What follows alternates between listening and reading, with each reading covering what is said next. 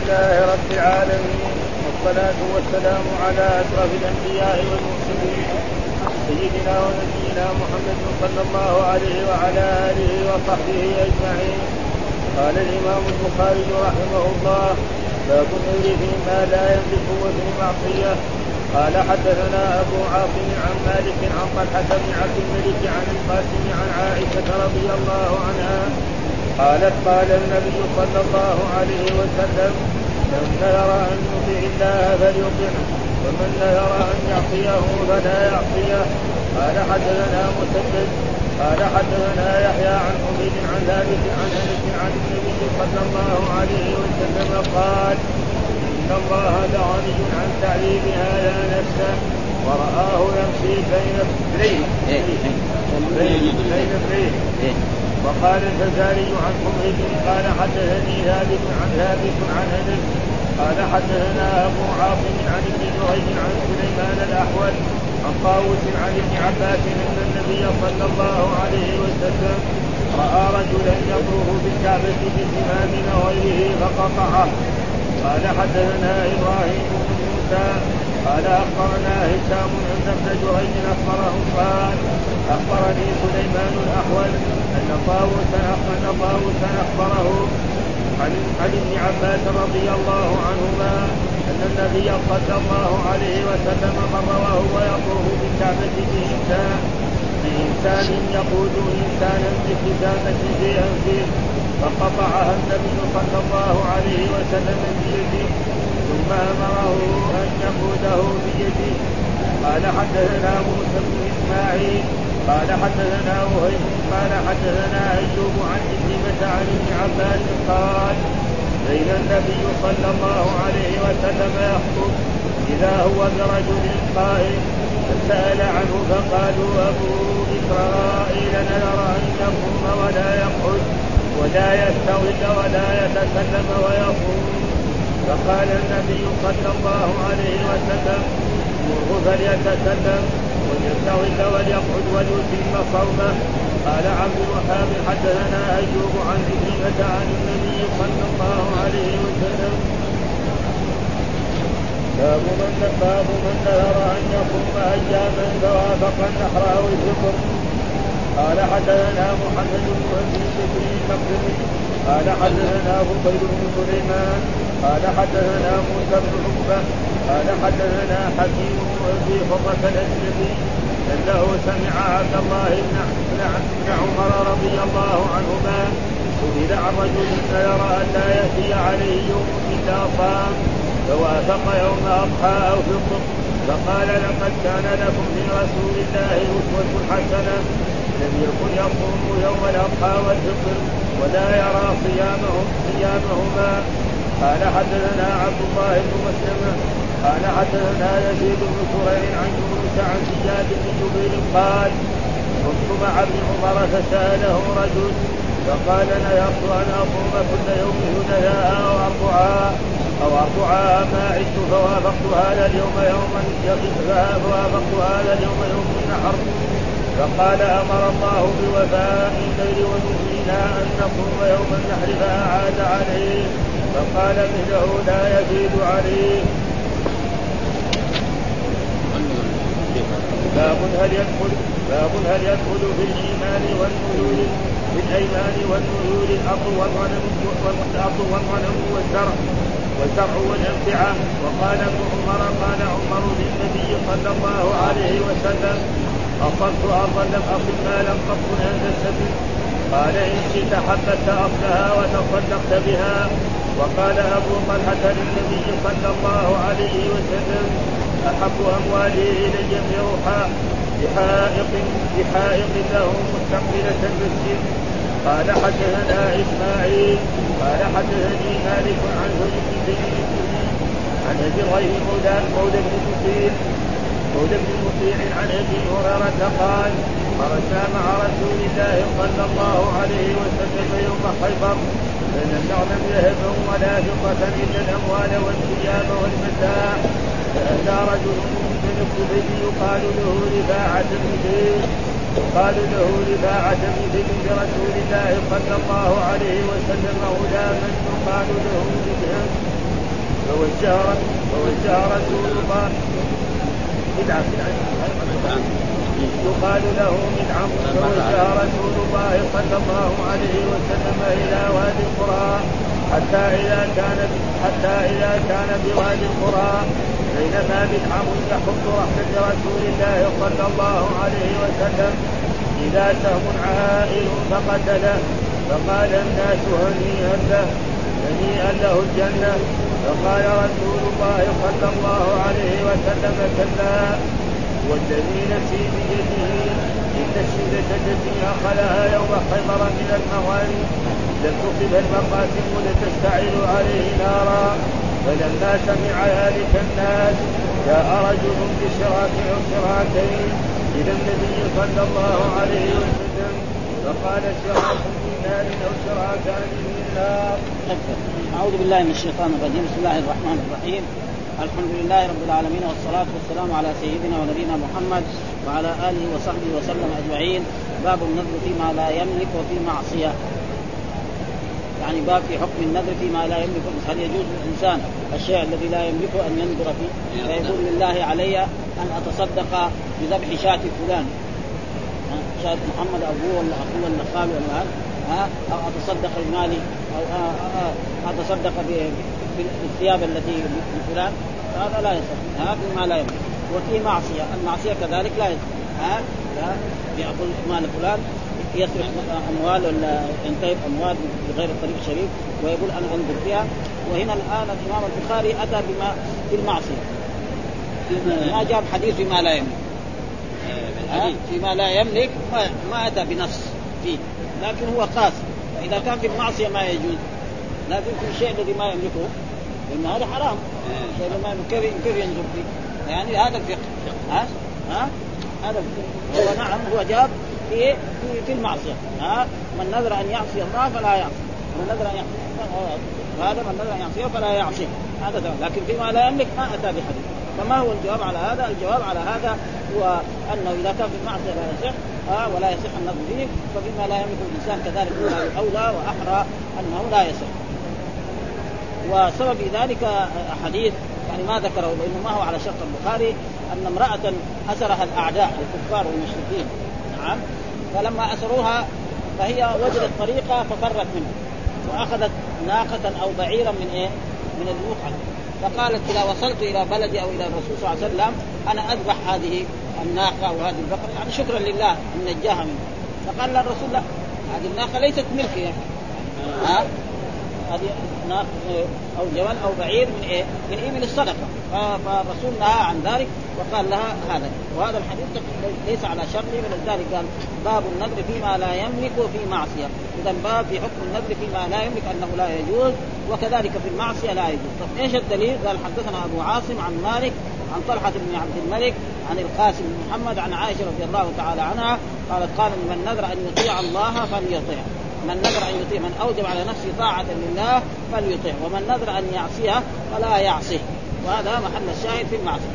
نذر أن يعصي الله يضرب فلان أو يأخذ مال فلان أو يتعدى على فلان فلا يجوز. وهل تلزمه كفارة أو لا تلزمه كفارة؟ هذا كذلك يعني ما ذكروه لكن سيذكر تبين الذي نذر في المعصية ها فهل تلزمه كفارة؟ في خلاف بين العلماء فالجمهور على أنه لا لا تلزمه كفارة قد يتوب إلى الله ويستغفر. وهناك من الأئمة ومن المذاهب من يرى وهو مذهب الإمام أحمد بن حنبل وإسحاق بن راهويه وأبي ثور هذول يروا أن عليه إيه؟ عليه كفارة وهذا معناه قال باب النذر فيما لا يملك فيها وقع في شرح ابن بطال ولا نذر في معصية. وذكر فيه حديث عائشة من نذر أن يطيع الله فليطيع الحديث. وحديث أنس الذي رآه يمشي بين ابنيه فنهاه. وحديث ابن عباس الذي طافه في انفه خدامة فنهاه. وحديث الذي نذر أن يقوم ولا يستظل فنهاه.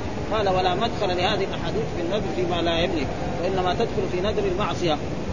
وأجاب ابن المنير بأن الصواب مع البخاري فان فانه فانه تلقى عدم لزوم النذر فإذا ثبت يعني عدم لزوم النذر فيما لا يملك من عدم لزومه في المعصية. يعني تلقى عدم لزوم النذر فيما يملك من عدم لزومه في المعصية لأن نذره في في ملك غيره تصرف في ملك الغير بغير إذنه وهي معصية. ها؟ لما ينظر في إيه؟ في الشيء الذي لا يملكه هذا معصية. ما يجوز يملك هذا معصيه فهذا يندرج تحت إيه؟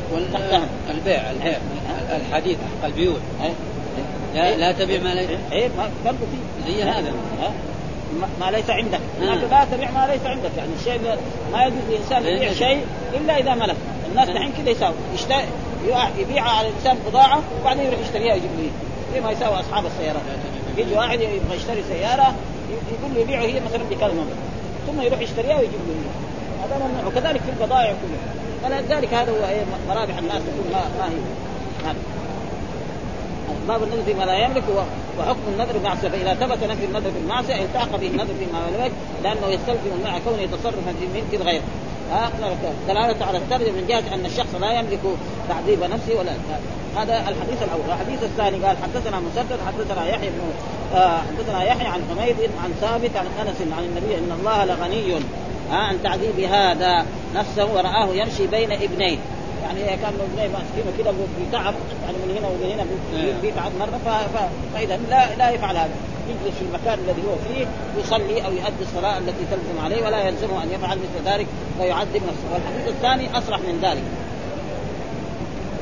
والحديث الثالث حدثنا أبو عاصم عن ابن جريج عن سليمان الأحول عن طاووس عن ابن عباس أن النبي صلى الله عليه وسلم رأى رجل يطوف في الكعبه بزمام أو غيره فقطعه. ها بزمام يعني حاطط إيه؟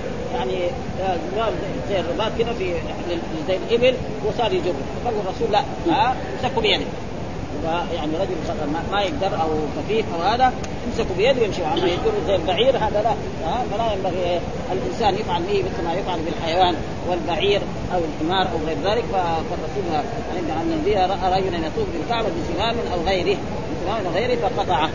فهذا برضو والحديث الثالث برضو يدل على مثل هذه الأشياء. حدثنا إبراهيم بن موسى أخبرنا هشام أن ابن جريج أخبرهم قال أخبرني سليمان الأحول أن طاووسا أخبره عن ابن عباس رضي الله عنهما أن النبي مر وهو يطوف في الكعبة بإنسان يقود إنسانا بخزامة في أنفه فقطع النبي صلى الله عليه وسلم بيده ثم أمره أن يقوده بيده.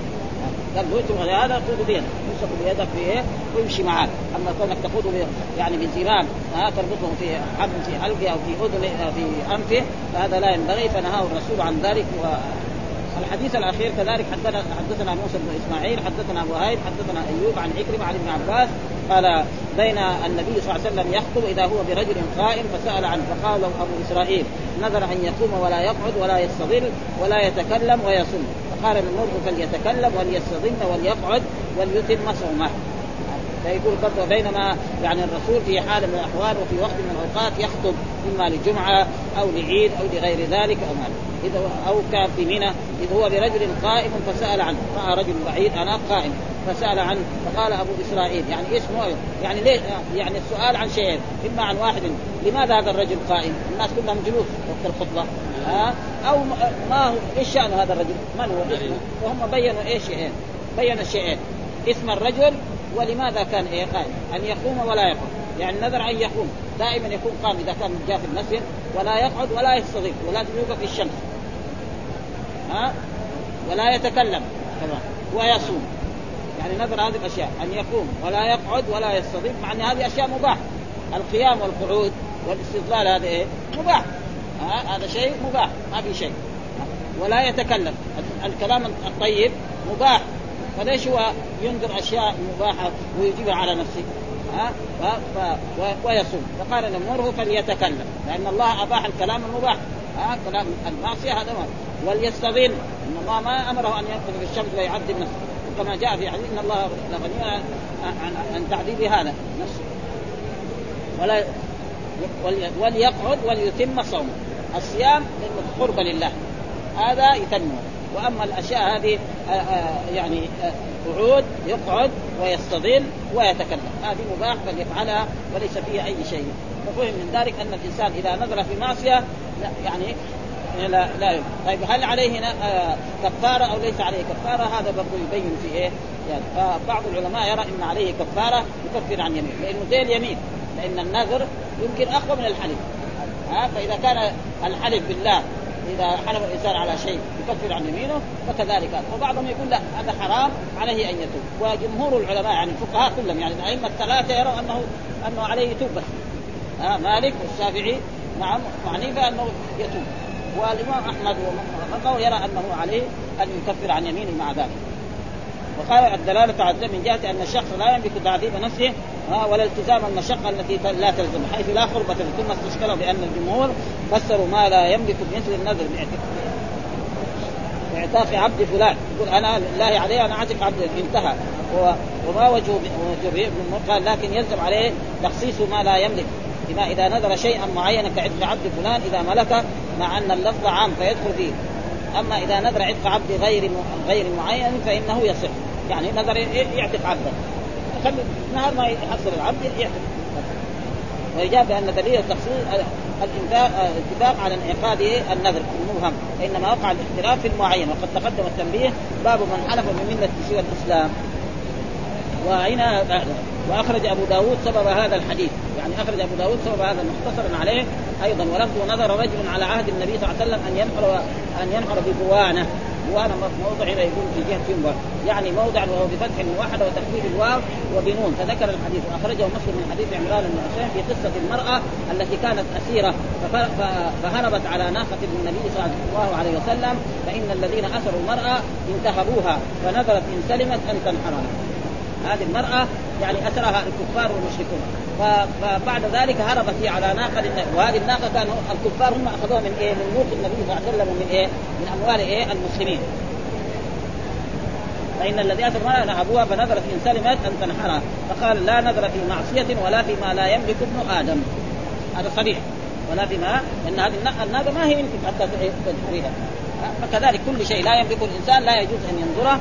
فلذلك وخلق وأخرج ابن أبي شيبة ووقعت مطابقة جميع الترجمة في حديث ابن عمر. بس إنما هذا ليس على شرط البخاري في سنن أبي داود.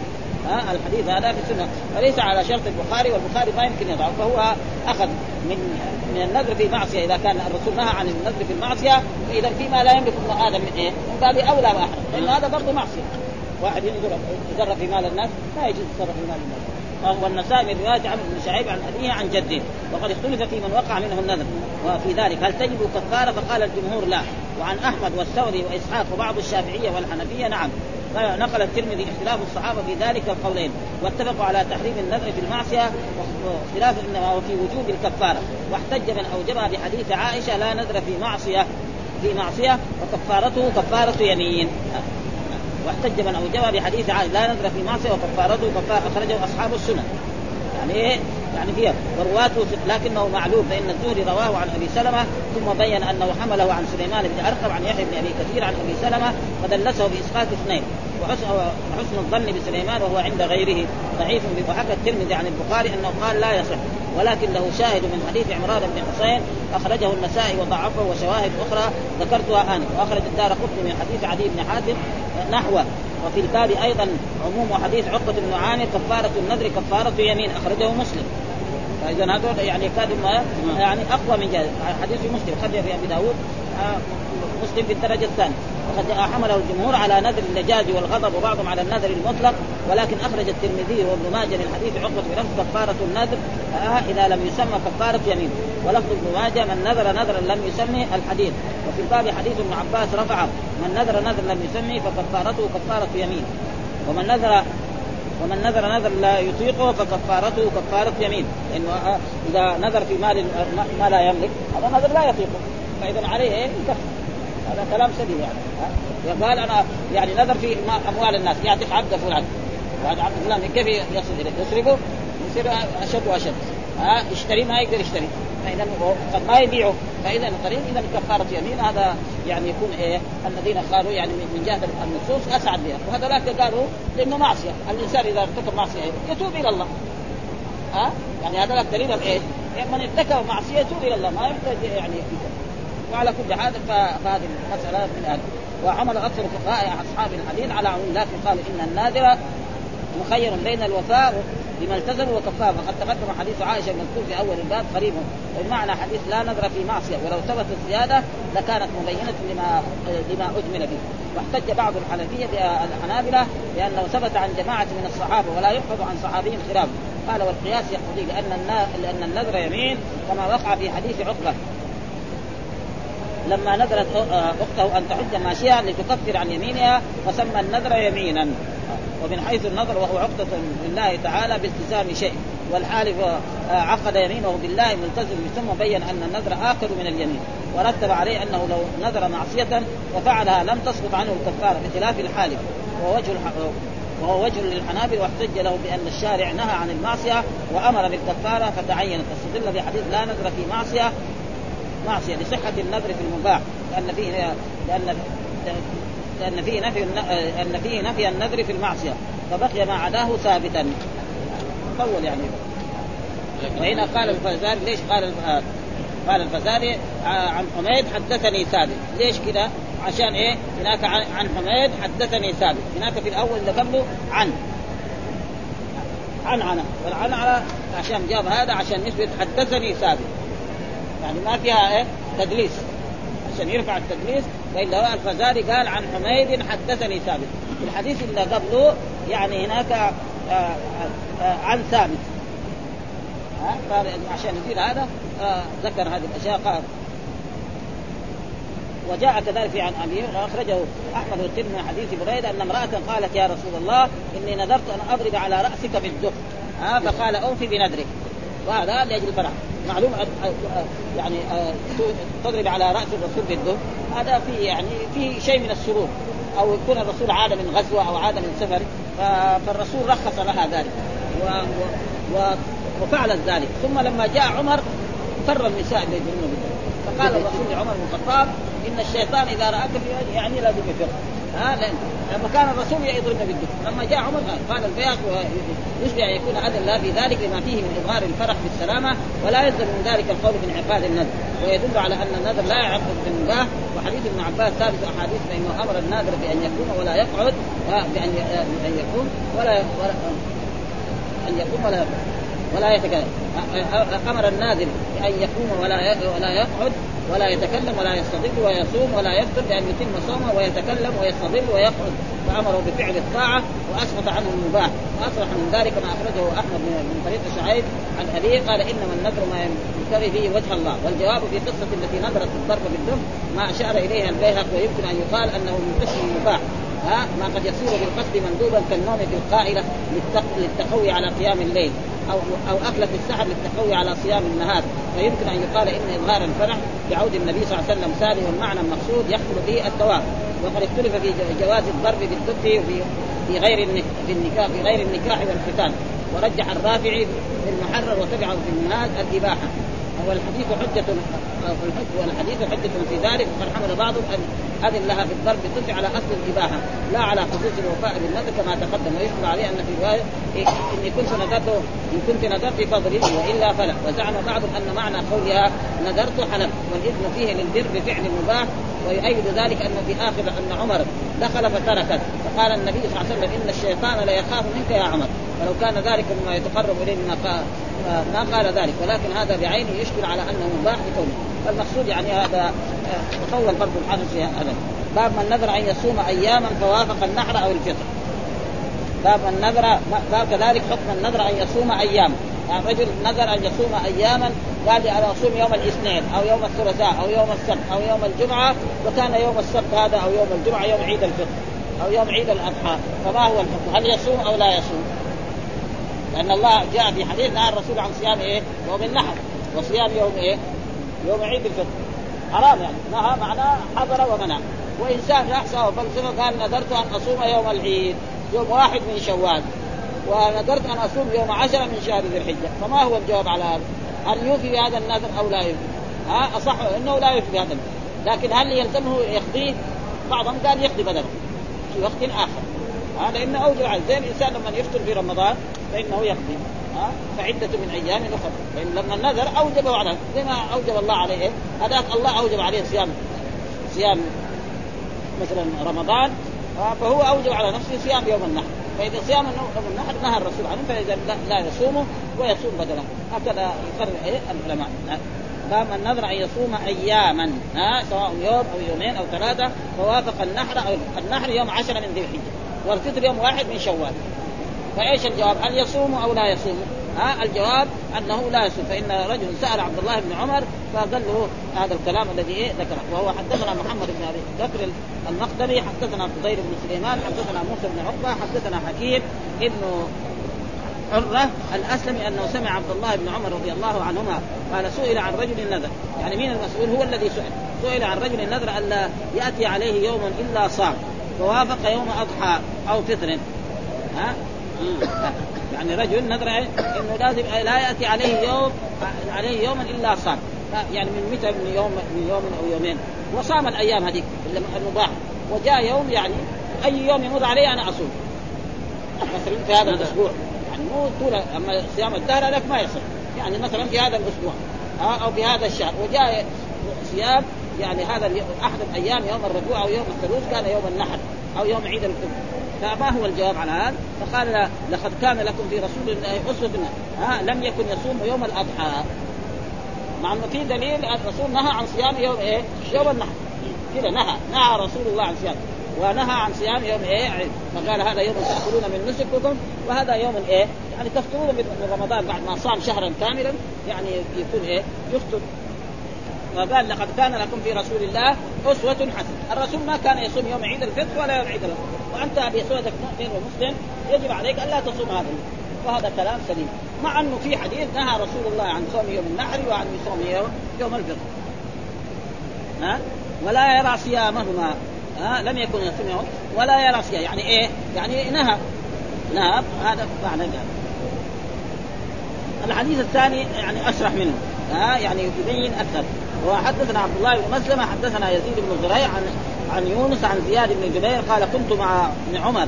فسأله رجل فقال إني نذرت أن أصوم كل يوم ثلاثاء أو إربعاء. يعني واحد يعني شك الان يوم ثلاثاء فوافقت هذا اليوم يوم النحر. فقال أمر الله بوفاء وفاء النذر. يعني الله قال وليوفوا نذورهم وليطوفوا بالبيت العتيق. وليوفوا نذور أمر هذا. اللام لام الأمر ويوفي فعل مضارع مجزوم بلام الأمر وعن الجزم حسب فأمر الله بالوفاء بالنذر طيب لما أمر الرسول ونهانا أن نصوم يوم النحر. في حديث نهى رسول الله عن صيام يوم النحر. فكيف أنت تصوم الشيء اليوم؟ والنهي لازم يقتضي التحريم دائما. وجاء في أحاديث دائما إذا أمرتكم بأمر فأتوا منه وإذا نهيتكم فاجتنبوه. كذا بهذا النص. إذا نهيتكم فاجتنبوه. فلأجل ذلك قال ونهينا أن نصوم يوم النحر فعاد عليه. قال له أنا نذرت أن أصوم كل يوم ثلاثاء أو أو يوم إربعاء. فقال له آه وافقت هذا اليوم النحر فقال إن الله أمر بالوفاء بالنذر ونهانا أن نصوم يوم النحر. كمان عاد ثاني مرة. قال له إن الله يعني أمرنا بهذا آه هذا يوم النحر فقد أمر الله بالوفاء بالنذور ونهانا أن نصوم ثلاث مرات ومعنى هذا هو الحكم يعني لا يجوز للإنسان أن يصوم يوم النحر ولا طيب هل يقضي بدله؟ العلماء قرروا أنه يقضي وهذا مثال لذلك مثل الإنسان لما يترك صيام يوم من رمضان مثلا. لو إنسان ترك يوم من رمضان كان مريضا. مو ما يقول خلاص أنا مريض ما أصوم. لا بعدين إيه القرآن قال فعده من أيام أخرى كتب عليكم الصيام كما كتب على الذين قبل لعلكم تتقون. أياما معدودات فمن كان منكم مريضا أو على سفر فعدة من أيام. أخرى يعني إيه؟ فعليه ها عدة أيام لازم يصوم أيام. وكذلك لما نذر أن يصوم يوم النحر أو يوم عيد الفطر وجاء هذا اليوم فلازم إيه؟ يفطر. حسب ما أمر الرسول ونهى عن صيام هذين اليومين ثم بعد ذلك يقضي. فيكون إيه؟ هذا يعني هذا. وكذلك لو نذر صيام يوم الجمعة أما صيام يوم الجمعة فما هو حرام مكروه. فإذا أراد يصوم يوم الجمعة يصوم يوما قبله أو يوما بعده ها؟ يعني واحد قال بالله علي أن أصوم يوم الجمعة. يمكن يوفي هذا النذر لأنه إيش المخصوص ترك بس يصوم يوم الجمعة وحده فإذا لو واحد كمان قال نذرت أن أصوم يوم الجمعة فقط ما يلزم الوفاء بالنذر لأن الرسول ما عن صيام يوم الجمعة. فإذا أراد يعني يؤدي هذا الصيام يصوم يوم إيه؟ قبله ويوم بعده كما أمر الرسول صلى الله عليه وسلم. قال قال من نذر أن يصوم أياما معينة فوافق النحر أو الفطر هل يجوز له الصيام أو البدل أو الكفارة؟ انعقد الإجماع على أنه لا يجوز له أن يصوم. يقول انعقد إجماع الأئمة كلهم والعلماء كلهم على أنه لا يصوم يوم الفطر ولا لا تطوعا ولا عن نذر. ها؟ سواء عينهما أو أحدهما بالنذر ووقعا معا أو أحدهما اتفاقا. ولو نذر لم ينعقد نذره عند الجمهور. النذر لا ينعقد النذر وعند الحنابلة روايتان في وجوب القضاء. وخالف أبو حنيفة فقال لو أقدم لو أقدم فصام وقع ذلك عن نذره. وقد تقدم بسط ذلك في أواخر الصيام. وذكرت هناك الاختلاف في تعيين اليوم الذي نذره الرجل وهل وافق يوم عيد الفطر أو النحر فإني لم أقف على اسمه مع بيان الكثير من طرقه. ثم وجدت في صفات آه، ابن حبان من طريق كريمة من سيرين أنها سألت ابن عمر فقال جعلت جعلت على نفسي أن أصوم كل إربعاء واليوم يوم إربعاء وهو يوم النحر فقال أمر الله بوفاء بوفاء النذر ونهى رسول الله صلى الله عليه وسلم عن صيام يوم النحر ورواته ثقات فلولا توارد الروايات بأن السائق السائل رجل لفسرت فسرت المبهم بكريمة ولا سيما في السند الأول فإن قوله سئل بضم أوله يشمل ما إذا كان السائل رجلا امراه وقد ظهر لي من رواية ابن حبان أنها امرأة فيفسر بها المبهم. وفي رواية حكيم بخلاف في رواية قال فسأله رجل ثم وجدت الخبر في كتاب الصيام ليوسف بن يعقوب القاضي أخرجه عن محمد المقصود يعني ثم قال لقد كان لكم في رسول الله أسوة ومعلوم الرسول هو الأسوة القدوة فالرسول لما كان لا يصوم يوم الفطر ولا يوم عيد الأضحى. لازم علينا نحن كذلك ما نصوم يوم العيد ولا عيد الفطر ولا يوم عيد الأضحى. مع ما وجد من النهي نهى رسول الله صلى الله عليه وسلم عن صيام يوم عيد الفطر وصيام يوم عيد الأضحى. وجاء في عن العلماء أن الرسول نهى عن صيام خمس أيام. كل سنه ها؟ وهي يوم عيد الفطر ويوم عيد الأضحى. هذا حرام مرة. ها؟ وكذلك أيام التشريق. والعيد ها؟ والعيد. اي ما هي أيام. أيام التشريق كمان ثلاثة فيصير كم؟ خمسه أيام. أما أيام التشريق كان مر علينا في الصيام أن أبو بكر كان يصومها. يعني ها؟ إيه، إيه. مر علينا كان في الصيام أن أبو بكر عائشة سئلت فكان كان يصوم. فعلى كل حال يعني هذه أيام التشريق لأن في ناس مرخص لهم في صيامها. مين؟ الذي لم يجد الهدي. رجل ما وجد الهدي وما صام ثلاثة أيام في الحج قبل الحج فإنه يصوم هذه الأيام. يصوم يوم 11 ويوم 12 ويوم 13 فإذا فاتت هذه الأيام ماذا يفعل؟ يصوم 10 أيام. خلاص بعد ذلك. يصير زي زي لما يجي الإنسان إيه رمضان أو غير ذلك. كان قبل أيام التشريق أحسن هذا. أحسن إيه. يصوم لأنه قال ثلاثة أيام في الحج. ثلاثة أيام بعضهم فيلزم إيه أن الثلاثة الأيام تكون إيه في أيام الحج أو هو متلبس بالإحرام. ها بعضهم قال في أيام الحج معناه أيام الحج. والمعلوم أن من أول ذي الحجة وذي القعده اشهر الحج فإذا صار. وبعضهم لا يقول لازم يحرم. مثلا يحرم يوم ستة ويصوم يوم ستة ويوم سبعة ويوم ثمانية. هذا يصير باتفاق رجل ما وجد الهدي وعليه صيام ثلاثة أيام في الحج يصوم يوم ستة وسبعة وثمانية. البعض يقول إيه عليه أن يصوم وهو محرم. يصير متلبس بالإحرام و... و... ويكون هذا وبعضهم يرى إنه بس يصوم يصومها ها؟ والمعلوم أن عمر بن الخطاب رضي الله تعالى عنه يعني من الأشياء التي أمر بها في خلافته أنه أوجب على أهل مكة أن يحرموا من أول ذي الحجة. يعني قال لهم إيه الناس يجوا من من بلاد أخرى وهم محرمون وأنتم قاعدين يعني تاكلوا وتشربوا وتتمتعوا بالنساء فأمرهم أمر. لكن ولده مو موافق معه. عبد الله بن عمر. يقول الرسول ما أمرنا أن ما نحرم إلا يوم ثمانية. قالوا يعني اخذ بأمر أبي ولا بأمر رسول الله صلى الله عليه وسلم؟ ما أبدا ها؟ وعمر كان له رأي يقول حتى تصير مكة كأنها خلية نحر كلها تقول لبيك مرة. أهل مكة واللي جاؤوا. من أول العشر. من أول العشر خلاص. يصير كأنها يعني كلها لبيك لبيك ما أي محل. وهذا كان يعني يعني يعني له رأي في هذا الموضوع. وقد وصلت القول في ذلك بأن صيام يوم النحر وبالله التوفيق. ثم قال باب هل يدخل في الأيمان والنذور الأرض والغنم والزرع والأمتعة؟ سؤال هذا كمان. سؤال يعني الإمام البخاري. هل يدخل واحد قال علي نعم يعني أرض الفلانة نذر بتقسيمه أرضه الفلانية أو الناقة الفلانية أو هذا أو قال نذرت أن أتصدق بمالي. كله. بمالي هل يعني المال يطلق على الأرض ويطلق على الزرع ويطلق على الحيوان؟ آه، هذا هذه هذه الترجمة عشان يبين هذا. إيه. إيش هل إذا واحد قال نذرت أن أتصدق بمالي طيب إيش المراد بالمال؟ هل يدخل فيه الذهب والفضة والأرض والزرع أيوه. وكذلك الحيوان أو لا؟ فيبغى بهذه الترجمة يثبت أن الإنسان إذا قال إن قال مال لا المال لا يدخل فيه إلا الذهب والفضة. المال آه. إذا قال مال. وإذا قال والدليل على ذلك آه ما قال في إيه؟ يقول قال عمر النبي أصبت أرضا. ها آه لم أصب مالا قط أنفس منه. وعند بعض العرب إذا قال مال المراد به بعض العرب الحيوان. زي أبو هريرة. أبو هريرة إيه يمني هو. والدوس يعني إذا قال مالا فالمراد به إيه مثلا الناقة والذهب. فعشان هذه الترجمة يقول هذا باب أن يدخل في الأيمان والنذور. أن يدخل في الأيمان والنذور الأرض والغنم والزرع والأمتعة. واحد قال مثلا نذر أن يتصدق بثيابه.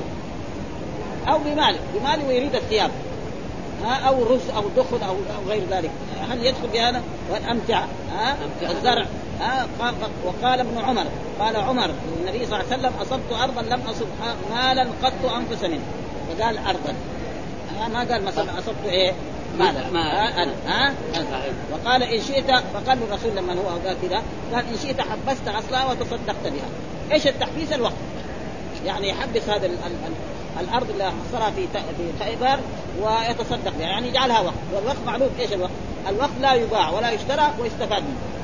فاوقفها عمر بن الخطاب رضي الله تعالى عنه وأصبحت هذا. وقال أبو طلحة برضو هذه كلها تعليق وكل أحاديث هذه مرت أول زمان. ها قال أبو طلحة النبي أحب أموالي إلي بيرحاء بيرحاء ها سماها مال. يعني سمى إيه؟ البستان والزرع اللي فيه والنخيل سماه مالا. هذا ما يجوز هل إذا واحد قال مال يدخل في هذه الأشياء أو لا يدخل في هذه الأشياء؟ بيرحاء فين بيرحاء يقول كان يعني تقريبا مستقبل لما كانت القبلة جهة الشمال يعني. لما كانت القبلة هكذا لأن الآن بيرحاء هي الأرض الموجودة. يعني الآن دخلت في داخل الحرم أو على طرفها هذا معناه. يقول هنا فيها قال ابن عبد البر وتبعه جماعة المال في لغة دوس قبيلة أبي هريرة غير العين كالعروض. يعني عندهم إذا قيل العروض كالعروض والثياب. كذا. يعني عند بعض اليمن الذي هو منهم أبو هريرة إذا قيل المال يشمل غير العروض. يعني العين إذا قال مال يشمل فيه الذهب والفضة وغير غير العين كالعروض والثياب. وعند جماعة المال هو عين هو العين كالذهب والفضة. يعني في ناس من العرب كذلك الفضة. والمعروف من كلام أن كل ما يتمول ويملك فهو مال. يعني كلام العرب كل شيء يتمول فلذلك الواحد إذا عنده إبل أو عنده غنم أو عنده بقرة أو عنده أثاث يسمى مالا. ولذلك اتى بهذه الترجمه ليثبت إذا قال الإنسان مالي فهل يدخل في هذا المال الذهب والفضة بس فقط؟ ومثلا زي اوراق زي في عصر هذه الأوراق النقدية. أو يدخل الأراضي. واحد قال أتصدقت بمالي. قال أنا أتصدق أو نذرت بمالي. يجرب المال يقول له هات الذهب والفضة والأمتعة والإبل والبقر والغنم لا فهذه الترجمة لأجل هذا الشيء عشان يثبت يعني هل يدخل في هذه الأشياء أو لا. لكن الذي يتصدق ثم يقول الآية ولا ولا تؤتوا السفهاء أموالكم. فالأموال هنا يشمل الكل. واحد مثلا عنده سفيه يتيم وهذا. ولذلك قال لازم يختبروا لا تسووا من جعل الله لكم فارزقون منها واكسوهم وقولوا لهم قولا معروفا. مثلا ولد شاب كان وصي فلان. فلما كان وصي فلان لما صار عمره 15 سنة جاء قال له قال له خلاص أنا صرت راشيد أعطيني مال. ما يعطي له مال لأنه لسه يجرب. يعطي له مثلا 500 ريال بعد يومين يقول له تعال فين ال 500 ريال؟ شوف يروح اشترى بها. يروح اشترى بها يمكن اشترى بها أشياء ما, ما تنفع ها وإذا اعطى له 2000 ريال يقول يروح يشتري سيارة. أو 5000 ريال أو 10000 ريال ابدا. ها فلازم يجرب حتى يثبت منه انه إنه هذا عادل وإذا قال له يقول له السنة اللي تجي يعني مرة من المرات أنا وجدت شاب يعني تقدم للمحكمة هنا وهو كان وصي أحد الكبار الموظفين. فلما قدم معروض القاضي قال له صدفة يعني قال له أنت أثبت أنك رشيد. ها أثبت أنك رشيد خلاص يعطيك المال ها بعدين إيش صار أنا ما شفت. يعني بس دغري كتب له عليه أنت أثبت. ها رشدك ولا يثبت رشده إيه؟ يجيب إيه؟ شهود. إنه رشيد إنه بلغ السابع عشر أو الثامن عشر. ولذلك هذا ما يريد هذا الحين يعني في خلاف بين العلماء. هل المال يطلق على كل مال أو يطلق بس على على العين الذهب والفضة والأوراق النقدية في عصرنا أو يطلق على الأرض ويطلق على الغنم ويطلق على الإبل. هذا معناه هذه الترجمة يبين لنا في هذا فاذا فيه إيه؟ خلاف. ها؟ فيه خلاف. وهذه الأنواع قال باب يدخل في الأيمان والنذور الأرض والغنم والزرع والأمتعة. قال ابن عبد البر وتبعه جماعة المال في لغة دون قبيلة أبي هريرة غير العين. ها؟ غير العين الذي كالعروض والثياب. وعند جماعة المال هو العين بس. هذا عين الذهب والفضة. والمعروف أن كل ما يتمول ويملك فهو مال. فأشار البخاري في هذه الترجمة إلى رجحان ذلك. كل شيء يتمول ويصير هذا فيدخل فيه الذهب والفضة والإبل والبقر والغنم والأثاث والامتعه والدور كمان. إذا دخلت الأرض معناه يدخل الفضه هذا يرجح لنا هذا. فأشار البخاري إلى رجحان ذلك بما ذكره من الأحاديث كقول عمر أصبت أرضا لم أصب مالا. فسمى الأرض إيه؟ مالا. ها هذا يعني كأنه في رد على الجماعة اللي يقول لا المال لا يطلق إلا على الذهب والفضة. لأن عمر سمى إيه؟ سمى الأرض مالا. آه مالا آه. هذا إيه تشترى ما تشترى بدراهم. إيه؟ إيه؟ ها؟ الأرض تشترى ب اي اي كل شيء لم يسلم فقد أنت تسلم وقول أبي طلحة أحب أموالي. إيش امواله كانت؟ بستان فيه إيه؟ نخيل. فإذا النخيل يسمى مال. لا يعني كأنه هذا في رد على الجماعة اللي يقول لا المال بس الذهب والفضة.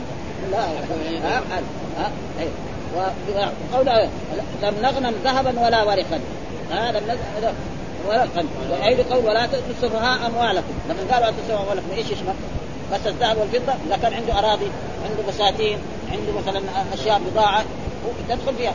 هذا ما يريد الإمام البخاري بهذه إيه الترجمة عشان وأما قول أهل اللغة العرب آه، لغه العرب لا تطلع اسم المال عنده لا توقع اسم المال عند الإطلاق إلا على الإبل لشرفها قال وأما قول أهل اللغة العرب لا توقع اسم المال عند الإطلاق إلا على بشرفها معلوم سعيد انفس مال عند العرب ذاك الوقت.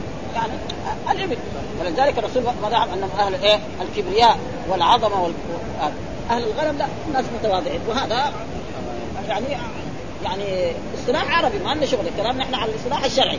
فهذه الأحاديث تثبت أن هذه كل الأشياء هذه تسمى إيه؟ مالا خلاص سواء كان ذهبا أو فضة أو غنما أو ابلا أو بقرا أو أمتعة أو بساتين أو غير ذلك. هذا ما يريد الإمام البخاري. ووقع في السيرة فسلك في الأموال يعني سلك في الأموال يعني حوائط ونهى عن إضاعة المال. نهى عن إضاعة المال. الرسول يقول إضاعة المال. بس الذهب والفضة؟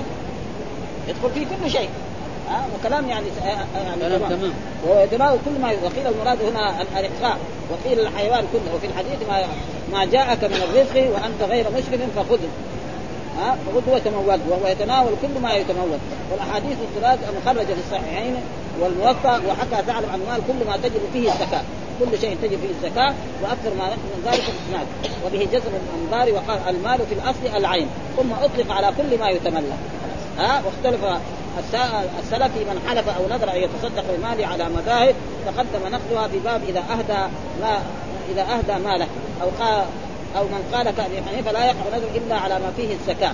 ها؟ ويكفي ذلك أن الرسول لما أمر أصحابه بالصدقة جاء أبو بكر بماله كله وجاء عمر بنصف مال فقال الرسول لأبي بكر ماذا تركت لأهلك؟ قال تركت لهم الله ورسوله. ولعمر قال له إيش؟ قال لا تركت لهم. فقال عمر يعني علمت أني بعد الآن لا أسبق أبو بكر ابدا. خلاص. ها أن أبو بكر هذا لا يسبقه سابق وهذا ما يريده. فإذا طيب بعد ذلك إيش قال؟ قال الحديث حدثنا إسماعيل قال حدثني مالك عن ثور عن زيد بن عن أبي الغيث مولى أبي مطيع عن أبي هريرة قال خرجنا مع رسول يوم خيبر فلم نغنم ذهبا ولا فضة إلا الأموال والثياب. صريح هذا. الاموال زي ما قال أبو هريره إيه إيه يعني, يعني فلم نغنم ذهبا ولا فضة. اذا الذهب والفضة اسمه مال. ها آه لكن غنمنا إيه؟ الأموال الثياب والمتاع. والبساتين والأرض. كلها خيبر صارت ملكهم نعم. آه فأهدى رجل من بني الضبيب آه يقال له رفاعة بن زيد غلاما. يقال له مدعم. آه فوجه رسول الله صلى الله عليه وسلم إلى وادي القرى حتى إذا كان بوادي القرى وهي وادي القرى هي العلا الآن. المعروف ها مدعم. فعدت رحلا لرسول الله وإذا سهم عائر فقتله. فقال الناس هنيئا له الجنة. الناس ما شاف رجل يخدم الرسول من المسلمين وجاءه يعني يعني سهم ما يدري من فين. جاء وضرب فقتله. فقالوا ها هنيئا له. فقال الرسول لا الرسول يعلم الغيب ما علمه الله سبحانه وتعالى. فقال لا كلا والذي نفسي بيده إن الشملة التي أخذها يوم خيبر من الغنائم ها لم تصبها المقاسم لتشتعل عليه نارا. ها؟ ففهم من ذلك. فلما سمع ذلك الناس جاء رجل بشراك أو شراكين. إلى النبي قال شراك من نار أو شراك. ولذلك جاء في القرآن من غل يأتي بما غل يوم القيامة. إيش الغلول؟ الأخذ من الغنيمة قبل قسمتها، وأي إنسان أخذ من الغنيمة ولو شيء بسيط فإنه يوم القيامة سيغل به ويأتي. حتى الآن؟ لا ياتي حتى الآن. نعم. حتى لا يأتي إيه؟ يعني وهو يحمل بعيرا. له رغاء أو شاة تيعر إلى غير ذلك فلذلك من ذلك يريد بهذا إثبات أن المال يطلق على كل ما يسمى مالا فيدخل فيه الذهب والفضة والأرض والثياب والمزارع والبساتين والأمتعة.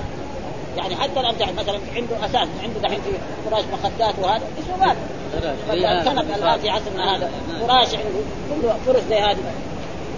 حتى الكتب إذا ما وقفها اسمها مال ها؟ يعني كل هذا عشان يثبت. وأثبت أن الغنم المال فدل على أن المال عنده غير العين وهو المطلوب.